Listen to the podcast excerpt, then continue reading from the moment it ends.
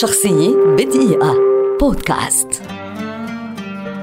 كاريكا واسمه الحقيقي أنطونيو دي أوليفيرا فيليو لاعب كرة قدم برازيلي شهير ولد عام 1960 ويعد واحدا من اللاعبين البارزين في تاريخ البرازيل ويعده الكثيرون من أساطير اللعبة عبر التاريخ.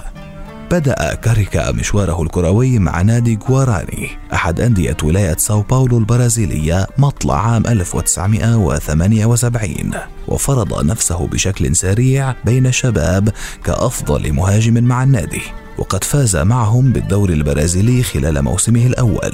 وبحلول موسم 1983 وقع مع نادي ساو باولو. وكان هدافا بكل معنى الكلمة في تلك الفترة. وحصل على جائزة أفضل لاعب في البرازيل وهي بمثابة golden ball في تلك الأيام.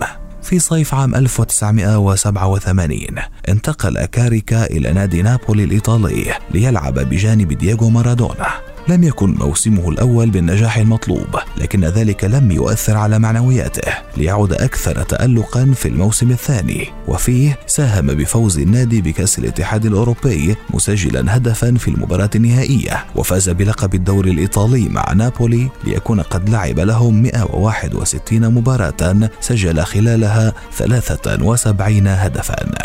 غادر كاريكا بعدها ليلعب مع أحد الأندية اليابانية. ثم عاد إلى البرازيل لينهي مسيرته الكروية المتميزة هناك. على صعيد المنتخب. ومن خلال نهائيات كأس العالم 1986 في المكسيك فرض كاريكا نفسه وبقوة في عالم كرة القدم كمهاجم صاعد. وفي عام 1990 كان عنصرا هاما في المنتخب البرازيلي. فقد سجل هدفي الفوز في لقاء السويد إلا أن المنتخب قابل الأرجنتين وخرج أمامها في الدور الثاني من المونديال. ليكون كاريكا قد لعب خلال مسيرته 60 مباراة مع منتخب السيليساو سجل خلال خلالها 29 هدفا.